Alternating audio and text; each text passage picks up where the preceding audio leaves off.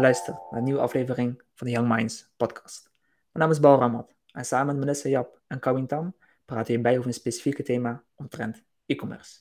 Deze keer praten we hierbij of je wel of niet op Facebook moet adverteren. Allereerst wil ik Melissa van harte welkomen. Leuk dat je bij bent. Voor degenen die je niet kennen, vertel ons wie ben je en wat doe je. Hi, uh, dankjewel dat ik hierbij mocht zijn. Superleuk. Uh, dus ik ben Melissa. Ik ben nu vijf, zes jaar al werkzaam uh, met Facebook en Instagram marketing. Uh, verder ben ik ook, uh, heb ik heel veel dingen gedaan op TikTok en op Snapchat en ook een beetje Google. Dus ja, ik hoop vandaag gewoon ehm, vooral veel kennis en um, over te brengen aan jullie. Ja, leuk super. Je zegt al Facebook, eh, Google, Snapchat, TikTok. Wat ja. vind je nou echt het leukst? Het leukste zelf vind ik eigenlijk toch echt Facebook en Instagram. Uh, TikTok vind ik ook heel erg leuk met alle video's en de mogelijkheden daarbij. Dus je kan ons vandaag echt wel helpen met, uh, met de vraag te beantwoorden of je wel of niet moet uh, adverteren op Facebook. Ja, uiteraard. Dat is mijn doel.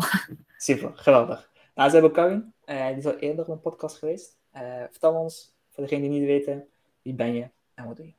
Ja, nee, bedankt Bart. Super enthousiast om weer bij te zijn. nou, een korte introductie over mijzelf. Ik ben Queen. ik heb zelf drie jaar ervaring al in de digital marketing industrie. binnen Young Magic ook de rol als account manager. Dus ik ben verantwoordelijk voor het contact onderhouden met klanten en ook de media buying uh, binnen Facebook en ook TikTok en Google. Dus uh, ja, super enthousiast om weer bij te zijn. let's do it. Leuk, super. Een vraag voor jou? Wat vind jij het leukste? ik, zelf ben het meest comfortabel binnen Facebook. Daar heb ik de meeste ervaring in. natuurlijk, TikTok begint een beetje al booming te worden. dus daar begin ik me meer op in te verdiepen. En dat is ook echt een interessant platform om mee te werken. Geweldig. Dus tegen gepassioneerde experts binnen Facebook. Nou, super. Nou, voor de link onder ons, ik kreeg laatst een uh, leuke vraag van een luisteraar. Is waar moet je beginnen met Facebook ads? Wat voor account kan je opzetten? Um, laten we beginnen met kan. Uh, hoe kan een, een, een nieuw persoon binnen Facebook beginnen op Facebook? Nou, ten eerste natuurlijk het belangrijkste is dat je een business manager hebt. Een business account voor je bedrijf. daarbij komt het volgende bij. daar heb je natuurlijk een pagina voor nodig. Een business page binnen Facebook. En als je natuurlijk wilt adverteren binnen Facebook, heb je ook een pixel nodig, zodat je alle data kan tracken. Uh, daarbij kun je ook nog een catalogus bij doen, zodat je ook een ander formaat van adverteren hebt. Uh, en dat kan door middel van uh, een koppeling binnen, binnen Facebook. Dus als je Shopify of WordPress hebt, heb je meestal wel een automatische koppeling. dat geautomatiseerd is door Facebook, dus dat is wel heel smart al. basically, ja, natuurlijk heb je ook Instagram account. Dus dat zijn de, basically de belangrijkste onderdelen dat je nodig hebt. Natuurlijk heb je nu tegenwoordig ook uh, heel veel privacy uh, issues uh, binnen Facebook, waardoor je minder data kan tracken. En dan heb je ook allemaal nieuwe middelen dat je kan koppelen binnen Facebook. daarbij heb ik specifiek over domeinverificatie. dus basically dat je bij je hosting een, een, tracking kan installeren, zodat je beter iets nauwkeuriger kan tracken binnen Facebook. en natuurlijk moet je ook je events beter opzetten binnen je pixel. Dus dat je alle uh, je KPI's, je goals, wat je wilt uh, tracken. Dus bijvoorbeeld als je een e-commerce hebt, is meestal je belangrijkste goal aankopen. Dus dat je dat goed prioritized binnen je event tracking tool. Basically, ja. Dus. Ik weet niet, misschien heeft Melissa nog wel erop. Ja, ik denk altijd met tracking vooral dat je echt niet alleen puur afhankelijk moet zijn van Facebook tegenwoordig sinds de update. Um, ik denk dat je ook vooral namelijk aan de achterkant moet kijken bij de backend. Klopt het wel? Um, kijk vooral naar de data, wat je binnenkrijgt via Facebook. Dat is tegenwoordig is er altijd wel sprake van een data loss. Uh, percentage is helaas onbekend, maar het zal denk ik wel aanzienlijk zijn. Het kan waarschijnlijk variëren tussen, ja, misschien zelfs tot de helft, al dan niet meer bij sommige bedrijven. Ja, dat kan je waarschijnlijk wel tegengaan door juist bij de andere kanalen net iets beter je best te doen en um, hoe zeg je dat, een stapje bij te, stapje bij, uh, te geven. En toch wat scherper zijn met de data en conversion rates. Ja, mee eens. Ik uh, denk dat als ik zo hoor, je hebt eerst de basis setups, de eigenlijk de business manager en pagina. Ja. En een hele trekking gebeuren. Ik hoor mensen denken, heel wat lastige woorden, en hosting en uh, tracking en ik weet het allemaal.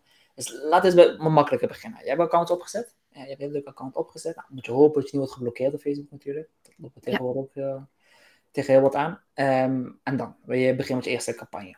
Uh, wat voor campagnestructuur kan je aanhouden? Dat is een goede vraag van Melissa.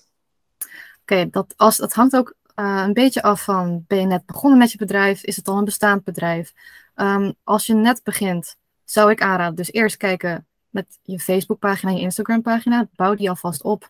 Post daar al wat vast in je feed. Dan, want als mensen namelijk je advertentie voorbij zien komen op Facebook of Instagram, moeten ze toch wel ergens op terug kunnen vallen. Van, hè, is het een betrouwbaar bedrijf? Of hè, is het, lijkt het een beetje fishy als het ware? Ehm, dus daarmee zou ik als eerst beginnen. Hou je feed gewoon goed in de gaten. Daarnaast, ehm, als je nog geen naamsbekendheid hebt, wat dus ook het geval is met een start-up, zou ik beginnen voornamelijk eerst met uh, toch wat verkeer namelijk naar je website. En dat in combinatie te doen met een uh, campagne voornamelijk op add to cart. Dat is voor mij namelijk. Dan begin je met conversies in combinatie met engagement of een verkeerpagina. Want dan heb je namelijk veel verkeer naar je website. En aan de andere kant zit je ook tegelijkertijd op een laag pitje conversies op te bouwen. Dan zou ik ook niet beginnen in één keer met purchases. Dat is heel hoog gegrepen, want die pixel moet toch echt eens worden opgewarmd. Hij heeft tot nu toe ook echt weinig data of, of geen data nog kunnen verzamelen. Dan zou ik koud echt op een laagdrempelig beginnen met add to cart. Um, en wanneer je daar eenmaal uit die leerfase hebt en genoeg data hebt verzameld, ik zou zeggen tussen de 40, 50 conversies, afhankelijk van het budget, dan kan je dus de volgende stap nemen, kan je naar initiate checkout gaan en op die fiets uh, dan weer uitbouwen naar purchases, want dat is uiteindelijk het doel. Um, om toch zoveel mogelijk en zo efficiënt mogelijk toch conversies binnen te halen voor je bedrijf.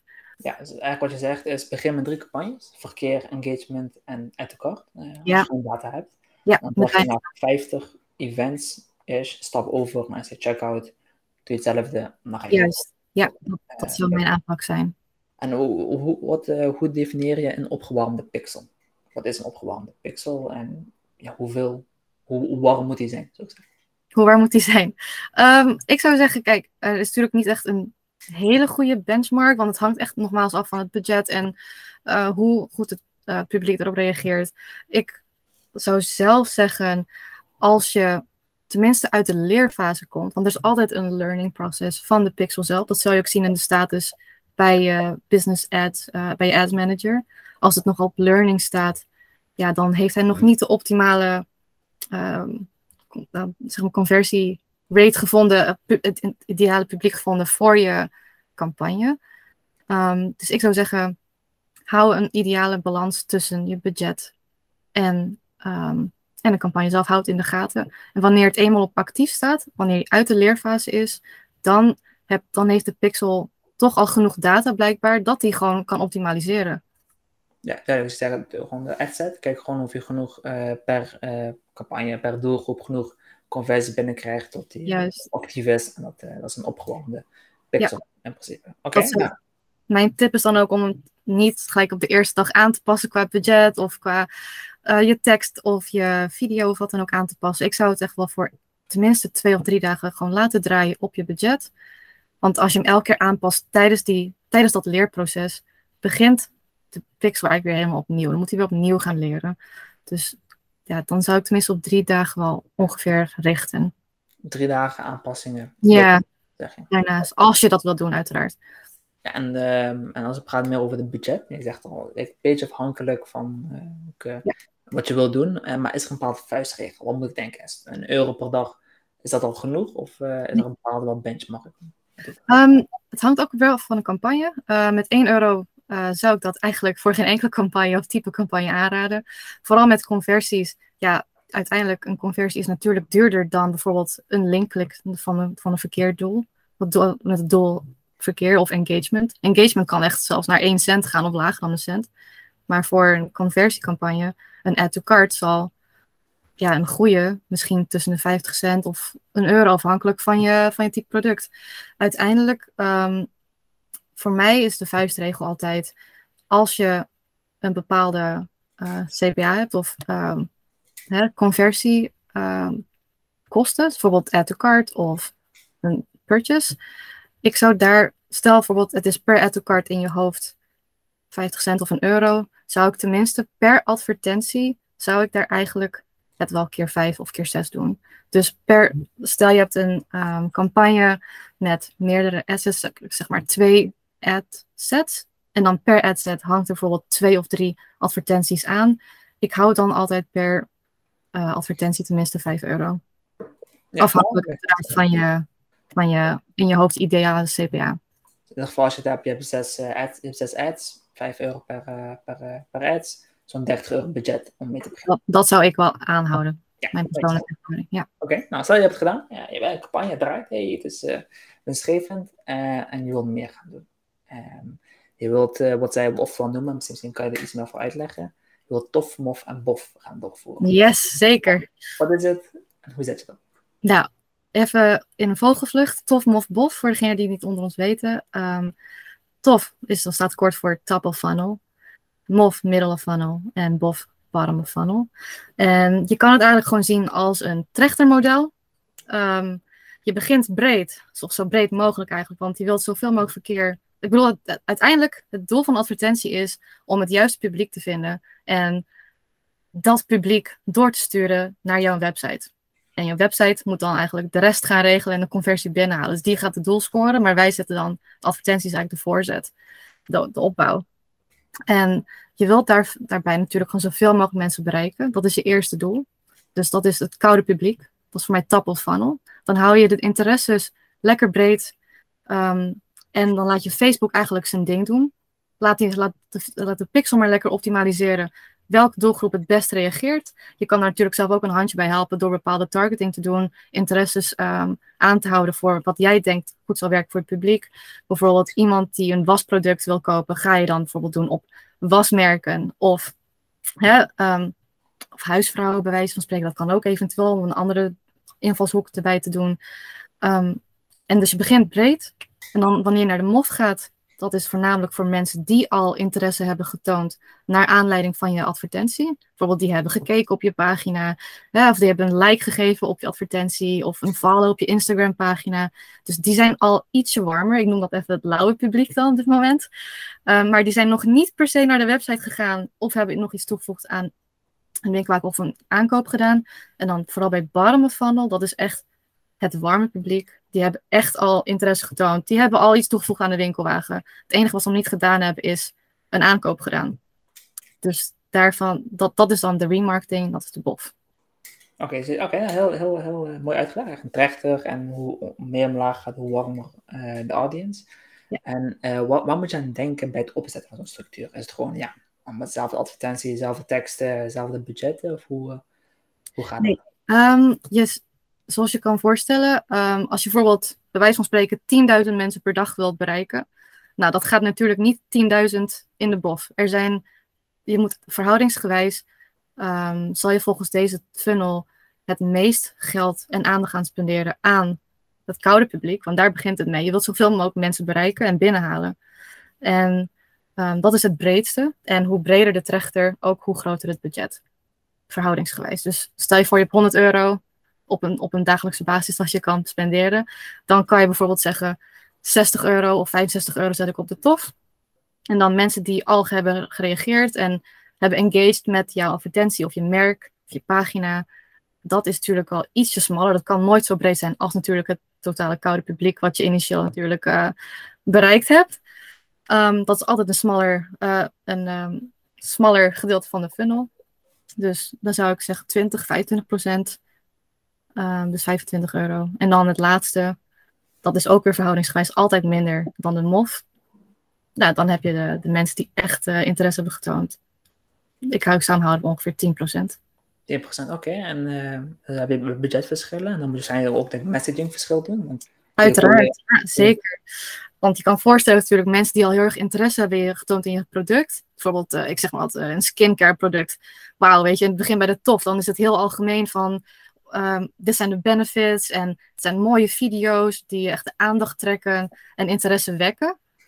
En dan de mensen die dan echt al hebben geklikt, die hebben natuurlijk niet meer dezelfde cues nodig van, oh, dit zijn de benefits. Want die weten het al. Die hebben al gekeken naar je website. Die hebben al gekeken, helemaal, helemaal uitgesplit op je website van, oh, dit is, zo ziet het eruit. Dit zijn de ingrediënten. Ze hebben de reviews al gelezen. Die hoeven allemaal die dingen niet nog een keer te zien. Die hebben waarschijnlijk al die hele funnel doorlopen. Het hoeft niet nog een keer te zien. Wordt alleen maar vervelend, denk ik. Wees maar lekker gewoon short, kort en uh, straight to the point. En die kan je ook iets meer uh, targeten met bepaalde conversion, uh, conversion cues. ja, nog even iets specifiek over per funnel qua messaging. Voor TOF is inderdaad, zoals Winterse zei, echt gewoon de USP's aan kaart brengen. Wat, wat, wat zijn de benefits van het product? Waarom, waarom moet je het kopen? Waarom is het goed voor jou? En in de middelfunnel, uh, dan weten ze al inderdaad, de USP's al van het product, uh, et cetera, de, de, strengths. En dan willen ze nog verder nog even overtuigd worden. En dan zag ik meestal uh, reviews bij plaats van mensen die het al eerder hebben gekocht of zo. Van hey, waarom, hebben zij het gekocht? Ehm, waarom zou ik dat ook moeten kopen dan, gebaseerd op de reviews? En aan een build funnel, wat ik meestal doe en wat ook heel vaak goed werkt, is een extra incentive erbij doen. Uh, daar heb ik over een kleine korting of zo, of extra uh, plus één product erbij. Om toch die final push te geven aan de mensen die geïnteresseerd zijn, maar toch nog niet die aankoop hebben voldaan. Ja, inderdaad. Sommige mensen, bijvoorbeeld een klant die ik heb, die wil dan een extraatje erbij geven. Bijvoorbeeld, uh, hey jij daar, weet je wel, we zagen dat je hebt gekeken en interesse hebt getoond. hier is nog extra 10% korting. Of bijvoorbeeld, hier is nog een extra product erbij, gratis. Ja, dat, ja. dat uh, mooi. En dan heb je een mooie tof move heb je de messaging uitgesplitst en dan spreek ik mensen anders aan, uh, gebaseerd op waar ze custom journey zijn, om ze makkelijker naar de conversie te helpen. Helemaal ja. goed. En dan Kawin, uh, je noemde al een paar angles, unique selling points, social proof, dat soort dingen. welke angles zijn er om mee te beginnen? Oh ja, er zijn multiple angles dat we hanteren binnen jouw metrics. Uh, een van de angles is echt gewoon, echt gewoon heel uitgebreid USP's, uh, eh, puntgewijs uh, uitstippen binnen de copies. Gewoon heel straightforward van benefit 1, gaat verzending zo. benefit 2, het is, als je skincare product, het is goed voor skin, et cetera. Je kunt ook een, echt een hele lange copies schrijven van echt een, een, heel verhaal erover. Story. Storytelling inderdaad, van oké, dit en dat. dat kan ook voor bepaalde niche producten goed werken bijvoorbeeld, uh, we hebben nu een uh, klant uh, die verkoopt trading cursussen. wat daar goed altijd goed werkt, zijn echt lange stories, copies. Van dit is gedaan, ik heb dit bereikt, ik heb zoveel mensen geholpen, de, cursus bevat dit en dat. En een hele lange story voor mij. Dat, dat is iets wat goed werkt voor die audiences. Bijvoorbeeld als je een heel simpel product hebt, dat echt echt een specifiek al een sterk karakter heeft. Bijvoorbeeld, uh, je verkoopt een, uh, laat zeggen, zonnebril of zo. Uh, dan kun je gewoon echt uitzeggen van, oké, okay, de zonnebril is van dit materiaal gemaakt. UV, beschermt UV tegen UV-lichten, et cetera. Dus dat zijn echt gewoon bekende producten, die kun je gewoon heel makkelijk uitstippelen. Ja, daar heb je natuurlijk geen A4'tje voor nodig. Ja, Als je iets gaat praten over brillen, dan ben je heel creatief. Nee, nee, uh, Oké, dan heb je die, die angles. En als we uh, per niches even inzoomen. Um, laten we beginnen bij beauty. Nog pakken skincare. Welke angles zou je daar aanraden en heb je gezien dat het beste werkt? Uh, deze pak ik wel op. uh, wat ik tot nu toe heel vaak gezien heb, um, terwijl, zelfs ook niet eens bij mijn eigen klanten, maar gewoon als ik door mijn feed scroll, bij heel veel skincare producten of beauty producten gewoon in general, Um, ik zie heel veel video's. Want um, dat leeft toch wat meer. Over het algemeen hoor, leeft dat gewoon wat meer. het betrekt de mensen er ook wat meer bij. Je ziet het ook stap voor stap hoe mensen bijvoorbeeld, ik weet niet, haardruppels doen of hè, um, hun skincare zo opsmeren op hun gezicht. En het leeft toch gewoon wat meer. je kan ook in de video's, kan je het, het is makkelijker om je messaging, denk ik, over te brengen via video. Dan per se via één still image. Um, mensen zijn ook meer betrokken. Ze zien ook gewoon wat de benefits zijn. En hoe ze het ook zelf moeten applyen. Dus je zei eigenlijk um, how-to video's. Die werken gewoon heel goed. How-to video's. Het kan unboxing video's ook zelf zijn. Dat is misschien wat iets meer voor fashion of bepaalde sieraden. Voor beauty kan je dat... Uh, zou ik, kan je bijvoorbeeld doen mensen die echt hun eigen review en ervaring delen. Um, en vooral namelijk een before en after met beauty. Dat werkt heel goed. Stel, we geven een checklist. een beauty-eigenaar die naar eh, onze podcast luistert. Welke video zou je aanraden van dag 1 in te zetten? Oké, dat, uh, dat is, kijk, afhankelijk van de zeg maar, stage van de funnel. Um, ik zou dan bij de tof, bij het wat kouder publiek, zou ik voornamelijk gewoon echt um, het product uitlichten. Je kan natuurlijk ook mensen erin hebben hè, die het gebruiken, maar ik bedoel voornamelijk het product. Laat zien um, wat het bedoelde effect is, Um, hoe het misschien eventueel gemaakt wordt. Snel eventjes met welke ingrediënten erbij. Um, en mensen vooral die zeg maar, het probleem hebben. Dus kaart het probleem aan. Misschien wat, wat heb je als beauty probleem? Nou, bijvoorbeeld hier, ik, eh, ik, mensen van mijn leeftijd misschien, die hebben te maken met beginnende uh, rimpels. Nou, dan ga je iets maken voor anti-aging. Mensen die bijvoorbeeld zeggen, hé, hey, ik heb, uh, je kan ook iemand laten praten bijvoorbeeld. Ik heb helaas nu te maken met wat meer rimpels, begin ouder te worden. Nou, en ik heb nu toch een nieuw product gevonden. En dan noem je merk X. Dan kan je het laten zien. Ik heb het ontvangen, ik ga het nu proberen. Ehm, dat kan je voornamelijk ook inzetten voor de MOF. Uh, iemand die het gebruikt en dan met before en after.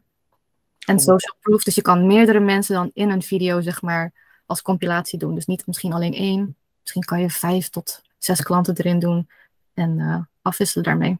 En hoeveel video's zou je moeten beginnen? Um, ja, dat, ik zou eigenlijk nooit met alleen één video beginnen. Dat is uh, heel erg. Uh, als, je, als dat lukt met één video, dan dan ja, mag je echt in je handjes knijpen. dat is echt uh, heel lucky. Nee, ik zou beginnen met, um, stel je bijvoorbeeld een product dat je wil uitlichten, ik zeg maar wat. Dus ik kom weer even terug op haardruppels, om voor haargroei of dikker haar. Ik zou dan beginnen met op zijn minst drie variaties. Want je wilt natuurlijk niet alleen één variatie testen. Vooral binnen Facebook, dat, dat werkt gewoon niet optimaal. Op Facebook werkt optimaal wanneer meerdere dingen tegelijkertijd wordt getest. Het zij ad creative, add copy, landingspagina, je noemt het maar. Maar met één ding haal je nooit het beste resultaat. Dus mijn advies dan altijd op zijn minst drie te doen. Het liefst vijf als het kan. Die kan je dan tegelijkertijd inzetten. Ook weer afhankelijk van je budget uiteraard. Maar drie tot vijf kan je tegelijkertijd inzetten. En dan zie je zelf aan de hand van de Facebook data waar hij op optimaliseert. En dan kan je daaruit weer bepalen, oh, blijkbaar deze twee video's werken het beste. Bijvoorbeeld uh, mevrouw, mevrouw A of mevrouw B die dan een bepaald ding zegt. Of Juist is het meer productgefocust of is het juist meer uit ervaring gefocust. Als dat blijkbaar goed werkt over al die andere angles, nou, dan kan je daarop weer verder bouwen. Bijvoorbeeld meer video's vragen of maken en die angle meer uitbreiden. Ja, eigenlijk gezegd, ze geven gewoon een aantal video's. Um, Niet één, sowieso niet één. Minimaal nee. Uh, Nooit één.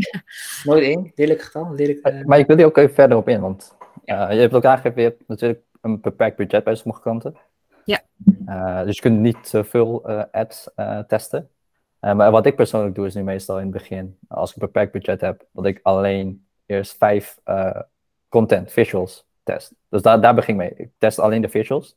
Dus daar heb ik over vijf verschillende video's of vijf verschillende ja. images. Ja. En dan heb ik gewoon één kopie throughout de vijf ads. Maar is dat, hoe, hoe zou jij dat dan? Dat, dat, dat is hoe ik het aanpak. En vanuit daar uh, optimaliseer ik het dan gebaseerd op welke visual content het best werkt. En daar ma maak ik meer variaties van, uh, gebaseerd op uh, andere landingspagina testen of een andere ad copy erbij testen. Ja. Hoe, hoe, hoe, zou, hoe pakken jullie dat dan zelf? Nou, voor wie is deze vraag bedoeld? Voor Bauer misschien? nee, okay, hoe, hoe nou, zou jij dat testen? Eigenlijk wat je zegt is, je begint met vijf visuals aan één, één ad copy om echt de visuals, de ABCDE testen. Dus mm -hmm. echt één op één, één ja. variabele als het ware. Nou ja, dat is een hele goede strategie om, om mee te beginnen, langzamerhand steeds uh, per variabele verder te itereren. Nou, moet ik zeggen dat ik persoonlijk een fan ben van multivariate testing. Ik heb liever dat ik twee, drie variabelen tegelijk test. Uh, altijd als je groot wilt uitpakken, dan is het gewoon heel langzaam om steeds één variabele te testen. Dus dan is mijn voorkeur vaak van, oké, okay, weet je wat, ik pak twee images, twee video's en ik verspreid drie verschillende teksten rondom die vier dingen als het ware dat als er één bepaalde tekst en één video het beste werkt, dan ga ik met die weer verder en dan voor de rest nog los erbij kunnen testen. Mm -hmm. Maar kijk, dat is inderdaad bijvoorbeeld als een klant jou zegt dan geef van hey, uh, ik wil maar met 30 euro budget per dag uh, adverteren. En, en op jouw manier heb je dan, als je zoveel variatie hebt, je dus twee images, twee video's, heb je sowieso vier ads. En daarbovenop heb je dan nog drie extra andere copies. Dan heb je alweer drie keer vier is dan 12. Ja, en, wat ik dan bedoel is dat, we, dat ik juist uh, niet 12 variaties van maak, maar maar 5, 6 variaties, maar niet eerlijk verdeel. Dat is wel een belangrijk uh, concept. Dat ik niet zeg van, oké, weet je wat, ieder verschillende ad copy moet met ieder verschillende video zijn. Hoeft niet. Er zullen echt wel variaties tussen zitten wat niet bestaat, zeg maar. Maar ik wil minimaliseren, maar gewoon zoveel mogelijk variabelen uitbrengen. heb je iets meer de breder spectrum om eh, grotere variaties te vinden in click-to-rate, in aankoop, in ROAS en al die andere variabelen. Uh, maar juist om die zes te testen en vanuit daar dan de volgende zes variaties te testen. Op die manier hopelijk wat sneller, uh, wegens multivariate testing, naar de optimale mix te gaan. Dat is bij mijn voorkeur. Ik weet of Melissa ook een bepaalde voorkeur heeft. Als ik bijvoorbeeld een budget had van 30 euro alleen, dat is natuurlijk niet echt heel erg veel om mee te beginnen. Ehm, ja, dan hou ik het altijd bij alleen twee adsets. En dan per adset drie of vier ads. Dus dan ga ik dan twee, dan, dan doe ik vaak twee uh, ad creatives testen. Dus of dan ga ik ook naar de, type, naar de type creative. Niet per se twee video variaties. Dan ga ik kijken naar video versus single image. Of video versus carousel. Bijvoorbeeld. En vanuit daar kan je al gelijk zien, oké, werkt dus blijkbaar een plaatje beter. Hè, of, of een video. Daaruit zal gelijk al, denk ik, na een paar dagen al gelijk een voorkeur uitkomen. Als ik zie dat het video is, nou, dan ga ik de klant vragen, kan je alsjeblieft meer video's aanleveren? Want dit werkt blijkbaar beter dan images tot nu toe. Dan krijgen we daar weer meer variatie op en dan kunnen we verschillende angles daarna uitbreiden. Um, dus dat is al twee uh, ad creatives. Daarnaast zou ik dan ook twee ad copies doen. Dat ben ik dan. Ja, dan heb je vier variaties. Ja, juist. Dan heb ik in totaal acht advertenties over ja, 30, 35 euro. Ja, nou heel slim. Nou, jullie hebben samen dezelfde uh, strategie daarin. Wat ik net uh, uh, valt toch buiten de boot. Mijn strategie. Als ik, want ik, een hele leuke strategie die ik ehm, laatst had doorgevoerd, is dat wij drie of vier verschillende creators hadden. Met allemaal een eigen unieke tekst. Nou, oh, wow. Is dus, nou, stel je vier, voor ons voorbeeld, vier creatives en vier teksten. Dan was heel idee heel simpel. Nou, die de beste eruit springt, en die verschil is altijd heel groot. Die komen nooit dicht bij elkaar, altijd heel groot. En die gaan we dan weer lossplitsen in de images en in de teksten. Nou, stel image 2 en add copy uh, 2 hebben het beste gewerkt. Dan gaan we image 2 pakken en doen we nog add copy 1, 3 en 4. Oh ja, ja. ja, ja. testen. Dus je begint eigenlijk met, met alles bij elkaar en die ga je dan daarna apart weer analyseren. Welk, welk factor is nou precies het beste of werkt het beste? Exact. Vaak één van drie oh, dingen gebeuren. Dus of de image loopt heel goed, of de tekst heel goed, of is de mix die heel goed doet. Als ja. Die zou je dan volgens de multivariate testing makkelijk uh, bij het einde moeten komen. Dus dat, uh, dat is een optie als je, gewoon, als je zo heel veel variabelen hebt. Uh, maar dat is voor ad copies en ad teksten en ad video's. Dat met landingspagina's? Hoe is dat met landingspagina's? Want je, hebt productpagina en collectiepagina, maar tegenwoordig kun je veel meer doen. Dus misschien kan je, kan je misschien daarop induiken. Wat raad je aan? Wat we tegenwoordig aanraden binnen Jan Metrics is uh, een pagina dat we baseren op uh, de AIDA-model. Uh, zodat je zoveel mogelijk, de AIDA staat voor dus attention, interest, desire en action. dat we al die aspecten binnen die model, binnen landingspagina's verwerken. Zodat het aandacht moet trekken in eerste instantie. alle informatie moet erop staan, het moet duidelijk zijn voor de klanten. En moet ook makkelijk zijn voor de klanten om uiteindelijk uh, die conversion te maken. Nou, wil ik wel echt. Ik heb wel een paar voorbeelden dat ik graag wil laten zien. Uh, ik denk, misschien voor de volgende keer wil een paar voorbeelden kunnen laten zien. maar dat is inderdaad iets wat wij nu hanteren binnen Geometrics. Echt gewoon de klanten pushen van: oké, je hebt nu een je hebt nu een productpagina. Dat is sowieso iets, een, een landingspagina we altijd testen binnen de ads. Maar daarnaast willen we ook nog een aparte landingspagina opzetten. En dat testen en kijken wat de conversion rate daarmee doet. Ja, daar wil ik nog even op inhaken dat natuurlijk uh, het niet altijd voor elk product noodzakelijk is of überhaupt handig is. Sommige dingen, bijvoorbeeld, ik zeg maar wat in fast fashion, ja, als je een jurk verkoopt, heb je geen AIDA landingspagina nodig. Je hebt niet uh, ellenlange informatie ervoor nodig, dat hoeft niet. Die, dat besluit dat dat proces is al heel snel genomen, denk ik, voor de klant. Maar heb je bijvoorbeeld een moeilijker product, ik zeg maar wat, een waist trainer bijvoorbeeld, ja, dan willen mensen toch wel echt meer informatie erover van, hè, hoe werkt dat nou? Wat is nou precies het voorbeeld? Wat is überhaupt een waist trainer? Nooit van gehoord. Dan gaan ze daar naar kijken. Hebben ze ook gewoon wat meer informatie in nodig? En kan het op die manier wat meer uh, worden aangewakkerd? Ja, nee, mensen, dat zeg je heel mooi. En Um, raad, je, raad je aan altijd een item pagina te doen? Je zegt net bij fashion bijvoorbeeld niet. Uh, of heb ik andere opties? Je bedoelt qua landingspagina? Ja. Ja, bij sommige mensen kan je het, uh, bij sommige merken kan je het, uh, dus direct, nou, je kan, sommige mensen werkt zelfs de homepage het beste. Raad ik niet als eerste gelijk aan. Ik zou proberen altijd kijken naar de collectiepagina te gaan, waar je alle producten ziet. Hangt natuurlijk ook een beetje af van de advertentie, want stel je doet één uh, type product bijvoorbeeld, dus ik ga weer even terug op die waist trainer. Ja, dan kan je testen met een AIDA-pagina versus een collectiepagina, dat je gelijk verschillende waist trainers ziet. Een derde optie is om het direct naar de productpagina te sturen. Maar ik denk voor een ja, wat lastiger product, waarvoor meer informatie benodigd is, lijkt dat mij niet het meest verstandig. Uh, om het direct naar de productpagina te doen, althans. Ik zou dan echt eerst mensen een reden geven om überhaupt zo'n product te kopen. Ja, uh, daarmee... Duidelijk. En of van een blog? Ja, dat is uh, zeker ook aan te raden. Ook weer afhankelijk van het type product. Nee, we, hebben we hebben bijvoorbeeld ook een, uh, een klant nu zitten met wasmiddel. En ja, die doet ook heel vaak uh, met blogpagina's testen. Gek genoeg, ja, ik weet niet, uit mijn instinct, instinct, uit mijn instinct zou ik dat niet zeggen dat per se het best zou werken. Maar het heeft echt wel goed resultaat ook nog geboekt tot nu toe. Data beats feelings. ja, ja, misschien wel, ja. Dus dat, is, dat was wel heel interessant. Oké, nou, oké, nou laten we uh, met jou verder doorgaan, Melissa. Um, nu hebben we alles besproken. Account opzetten, campagne structuur, even de basis, de pixel opwarmen voor als je nieuw bent.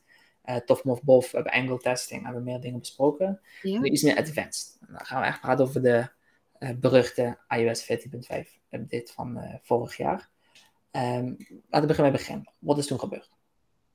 In principe um, ik denk dat heel veel mensen, of marketeers van mij, hiermee eens kunnen zijn. Alles wat daarvoor gebeurde, was echt een hemel. Facebook deed alles voor je.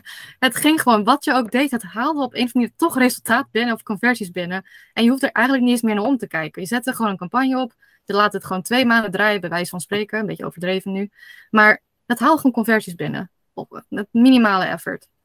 Nou, sinds die update um, heeft Apple dus besloten dus iets strenger te zijn op de privacy van mensen, iets meer te waarborgen.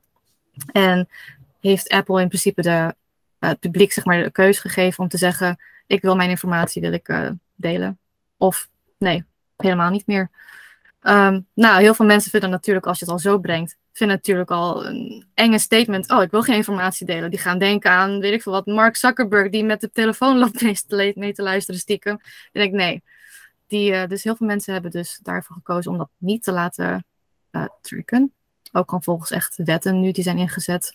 Um, dus dat maakt tracken daarna sindsdien ook heel lastig. Of veel lastiger voor, um, voor Facebook om gewoon goed alle data gewoon binnen te krijgen. En dat je het optimaal kan inzien. Dat gaat nu sindsdien uh, veel lastiger. Ja, dus je zegt tracking is gewoon, een, dat is gewoon gehit tot de iOS 14.5. Absoluut, ja. Ja. Uh, en natuurlijk altijd een beetje als een kat-en-muis spelletje. Van, er zijn altijd ontwikkelingen en als marketeers moeten we altijd achter, uh, achteraan gaan en uh, de beste oplossing vinden. Nu was het natuurlijk een groot, grote verandering. Ja. wat, wat doen we of wat kunnen we doen of wat hebben we gedaan om dat op te lossen, om dat iets voor te verzinnen, als we toch ons best, op ons beste kunnen adverteren? Um, hoe, ik het, hoe ik het zelf zie is, nou, vroeger deed dus Facebook alles met de pixel al voor jou. Uh, tegenwoordig, sinds die update, ja, is er gewoon, is er gewoon dataverlies. Dus je moet het eigenlijk compenseren via andere manieren, op andere manieren. Je, gaat het, je kan nu tegenwoordig ook tracking doen uh, middels de server. Uh, en de conversion API. Dus dat is één manier om het toch een beetje te compenseren en Facebook Pixel daarmee te helpen om toch wel een uh, meer accuraat beeld te schetsen van wat is er nou precies gebeurd op mijn website. Um, daarnaast kan je het um, ook gewoon zelf ondersteunen door toch um, aan de achterkant beter mee te kijken. Bijvoorbeeld als je een Shopify website hebt. Of hè, um, dan kan je met de conversion rates meekijken. Stel op Facebook, via jouw Facebook dashboard staat er 15 add to cards bij wijze van spreken. Maar op Shopify staat er 30. Nou, dan weet je dat er dus 50% daar al wordt gemist via Facebook. Dus je moet zelf ook wat meer uh, aan de slag, zeg maar, om toch dat beeld weer op 100% of ja, in de buurt te komen wat, wat, van wat het eerst was. En um, wat mensen dan ook nu tegenwoordig doen, is ook niet alleen maar te banken op alleen Facebook. Hè? Alles uh, alleen maar afhankelijk zijn van één platform, wat hiervoor natuurlijk voor ja, heel veel wel gebeurd was. Nu zou ik meer aanraden op, op andere kanalen te focussen, wat, uh, om toch weer de conversie wat hoger te houden en ook de tracking beter te maken. Je kan bijvoorbeeld ook focussen op nu meer uh, aandacht te besteden aan e-mail flows, e-mail marketing. Um, je kan op andere kanalen richten, Google, Snapchat, TikTok, etc. Om toch um, weer in de buurt te komen van wat het eerst was. Je zegt eigenlijk van om dat uh, te balanceren, zo gezegd, moet je eigenlijk alles ja. wat buiten Facebook en gebeurt, gewoon meer focus leggen. Of dan nieuwe kanalen, zoals e-mail, Google en die kanalen. Ja. Ehm, oké, en is het qua advertentiestrategie ook anders? Is dat jij andere ja. Ja, ehm, ik zou, hoe ik nu zelf het ding aanpak is, je kan die tracking, kan je natuurlijk een beetje helpen met uh, aan de hand van die UTM-parameters. Dat kan je doen. Ehm, zelf ook met de Tag Manager via Google kan je het ook sneller inzien met Analytics. Um, dus dat is één ding dat je nu standaard kan doen om toch die tracking iets meer accuraat te maken met die uh, parameters. En um, niet alleen nu puur te focussen op ROAS. Want ja, die ROAS, dat, dat kan misschien wel uh, een getal zijn op Facebook Ads Manager, maar misschien aan de backend staat er iets heel anders.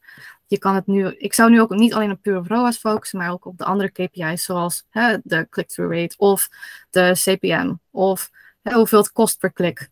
Dus je gaat eigenlijk de data af per funnel. Dus um, hoe mensen binnenkomen op de website of de advertentie. Daar kijk je eigenlijk meer nu naar. Dus je kijkt niet alleen op één, maar meer naar het totaalplaatje, zeg maar. Ja, makes sense. Wel, kan ik ook iets zeggen? Ja, nou meer over inderdaad over back to the tracking uh, issues. Zoals uh, Midas zei inderdaad, als je al die stappen doorneemt van uh, je zet je pixel goed, just, al die instellingen zijn allemaal goed, zoals volgens het boekje. zoals dan heb je nog niet dan kun je nog niet alles tracken binnen Facebook. Dan weet ik inderdaad dat het inderdaad een groot issue is waar heel veel adverteerders en ook developers naar kijken en proberen die probleem op te lossen. En, en vaak komen ze met een eigen third-party program of ze developen een eigen app, et cetera. Dus ik weet sowieso dat heel veel mensen nu bezig zijn om te zorgen dat ze toch die data beter kunnen tracken. ik, zelf, ik ben nog niet echt actief uh, daarin om uh, research te doen, maar volgens mij Bauer jij ben je nog wel const, uh, continu aan het research van hoe, hoe kan ik toch beter die Facebook data tracken? 100%. Ik denk dat ze altijd een key in marketing blijven innoveren. Nou, 100% als ik daarop in zou spelen, zou ik zeggen, probeer gewoon de eerste standaard dingen te doen. Dat je domein verifiëren, even linken aan uh, je conversion events, zet van hoog naar laag prioriteit, begin met purchase uit de cart en doe de rest later. probeer offline events toe te voegen. Dus uh, we gebruiken automation software dat voor ons doet, dat alle events binnen een Shopify, een WooCommerce, een Magento nog voor de zekerheid dubbel doorstuurt als een offline event. wat ook kan worden toegeschreven. Uh, zo nu dan uh, doen we wat events uploaden en dan gebruiken we ook dus third-party tools die voor ons inzichtelijk maken van welke campagne en ad een, een sale vandaan komt. Dan wordt toegeschreven binnen de campagne. Met name UTM parameters en dan wat attributiemodellen wat, wat, wat is gedaan. Nou, één ding wat we los van tracking nog heel veel doen, is de manier van adverteren. En dat is eigenlijk een, een paar concepten. Eén daarvan is let the creator find the audience. Omdat wij nu steeds minder data hebben en minder kunnen aansturen op leeftijd, op, op, op, op, geslacht en al die andere variabelen, hebben we gezegd van weet je wat, we focussen ons enorm op creatives, zodat dat gewoon echt ons doelgroep aanspreekt. En laten we Facebook algoritme door basis van kliks en, en dat dingen gewoon optimaliseren op de juiste doelgroep. En dan herevalueren dat op de MER. Dus hoeveel omzet heeft er dat merk of bedrijf gehaald. Gedeeld de adspend die dag. Dat de marketing efficiency ratio. Dat is een makkelijkere holy grail ons geworden sinds uh, AS 14.5. Plus één ding wat Miss ook heel mooi zei, is meer gebeurt buiten Facebook. We zeggen altijd, more of the selling gebeurt nu op de website. Dus of dat de, de customer journey nu steeds meer gebeurt buiten Facebook om. Ja, Facebook heeft die data niet meer, jij wel. Je hebt wel nog data van je eigen website, van wat er gebeurt je heel veel inzicht in. Uh, en daar, daar kan je veel meer gebruik van maken uh, om iemand tot aankoop te pushen, als het ware. Ja. Dat is denk ik in drie core principes van wat wij nu doorvoeren. Maar we blijven up-to-date. iedere maand, kwartaal komt ook weer iets nieuws. Dus voor de luisteraars, blijf luisteren. Als er iets nieuws is, dan hoor je van ons als eerste. en dan komt allemaal terug de eerste vraag. We hebben al besproken van accountstructuur, de campagnestructuur. Zou je nu wel of niet moeten adverteren op Facebook? kunnen mensen, mensen zijn misschien afgeschrokken in deze podcast, hoop ik niet, maar zouden ze het moeten doen of niet? Ja, ze zouden het zeker moeten doen. Als je dat niet doet, uh, is het gewoon echt een gemiste kans. Tegenwoordig zit iedereen, iedereen zit op zijn mobiel. Iedereen zit op social media. Ik zou het zeker doen. Ja, en dan mensen zeggen van ja, maar hoe duurder? Het is niet meer winstgevend, dus de, de kosten worden meer, CPM is aan het stijgen. Dat allemaal. Wat, wat zou je daarop zeggen? Uiteindelijk draait het erom, ben je bereid om meer te betalen dan je competitor voor, ja, voor, voor hetzelfde resultaat? Ik bedoel, uh, uiteindelijk wil jij toch de competitie verslaan. Jij moet als adverteerder moet je eruit springen, als merk eruit springen. En als jij niet mee kan draaien of mee wilt draaien, dan wordt het moeilijk. Dus uiteindelijk draait het om, ben jij bereid om dat te doen? Ben je ook bereid om meer aandacht te besteden, niet alleen aan Facebook, maar er ook eromheen? Dan zeker ja. Een volle ja. ja. Mooi gezegd. En Kevin, wat vind jij? Ja, ik ook gewoon. Het, het blijft nog steeds een van de grootste platformen in de wereld. Um, als jij echt gewoon awareness wil bouwen voor jou, laten weten aan de mensen dat je een, een, een, een shop hebt, een brand hebt of product hebt, dan is uh, Facebook nog steeds een van de betere platformen om uh, die awareness te creëren. Natuurlijk moet je ook kijken of, of het wel geschikt is uh, voor, voor, Facebook. Je, je, hebt natuurlijk ook andere kanalen natuurlijk. Google is ook een daarvan waar je kan kijken. Dus ik zou niet zeggen specifiek alleen Facebook. Juist, ja. Maar ik zou zeggen wel adverteren in de online wereld is natuurlijk een must. Eigenlijk als hoofdboodschap, probeer het, ga erop, ga adverteren ermee, niet stilzitten, uh, kost wordt duurder, probeer gewoon meer uit de klant te halen, probeer meer waarde te geven, als je meer waarde voor terugkrijgt. Ja. Wil je iets toevoegen aan, het, uh, uh, aan onze boodschap? of iets toe wil voegen aan de boodschap? Ja, ik zou zeggen voor alle mensen die meeluisteren, wees alsjeblieft niet bang om te adverteren. Uiteindelijk, hoe langer je wacht, ja, hoe, hoe verder je van je doel af bent. Als je erover zit na te denken om te beginnen, je moet gewoon beginnen. En um, lees je natuurlijk wel van tevoren een beetje in. En wees vooral niet bang. Ik bedoel, uh, Facebook draait gewoon altijd als een terenleer. Dat is met een reden. Nog steeds worden er hele goede resultaten behaald met Facebook. Je moet alleen ietsje, ietsje creatiever zijn ermee. Nou, mag ik zeggen, hier, uh, expert zijn. Uh, ik hoor dat bij jouw metrics heel goed zijn. Dus dat uh, kan ik nog eens toevoegen aan als boodschap. Ja, ik zei, inderdaad, zoals Midden zei, gewoon stay on top. Gewoon blijven testen, blijven, blijven proactief zijn. Um, en uiteindelijk zou je wel een, een winnende formule hebben gevonden. Nou, bedankt. Nou, bedankt beiden voor de mooie podcast en de, de waardevolle kennis die jullie hebben gedeeld. Uh, ja. Bedankt voor het luisteren uh, naar de podcast Young Minds van onze luisteraars. Als je het interessant vond, zorg dan voor ons e-book, de vier pilaren van een succesvolle campagne voor e-commerce, download op onze website. Tot de volgende keer en ik wens je veel gelukkige podcasting.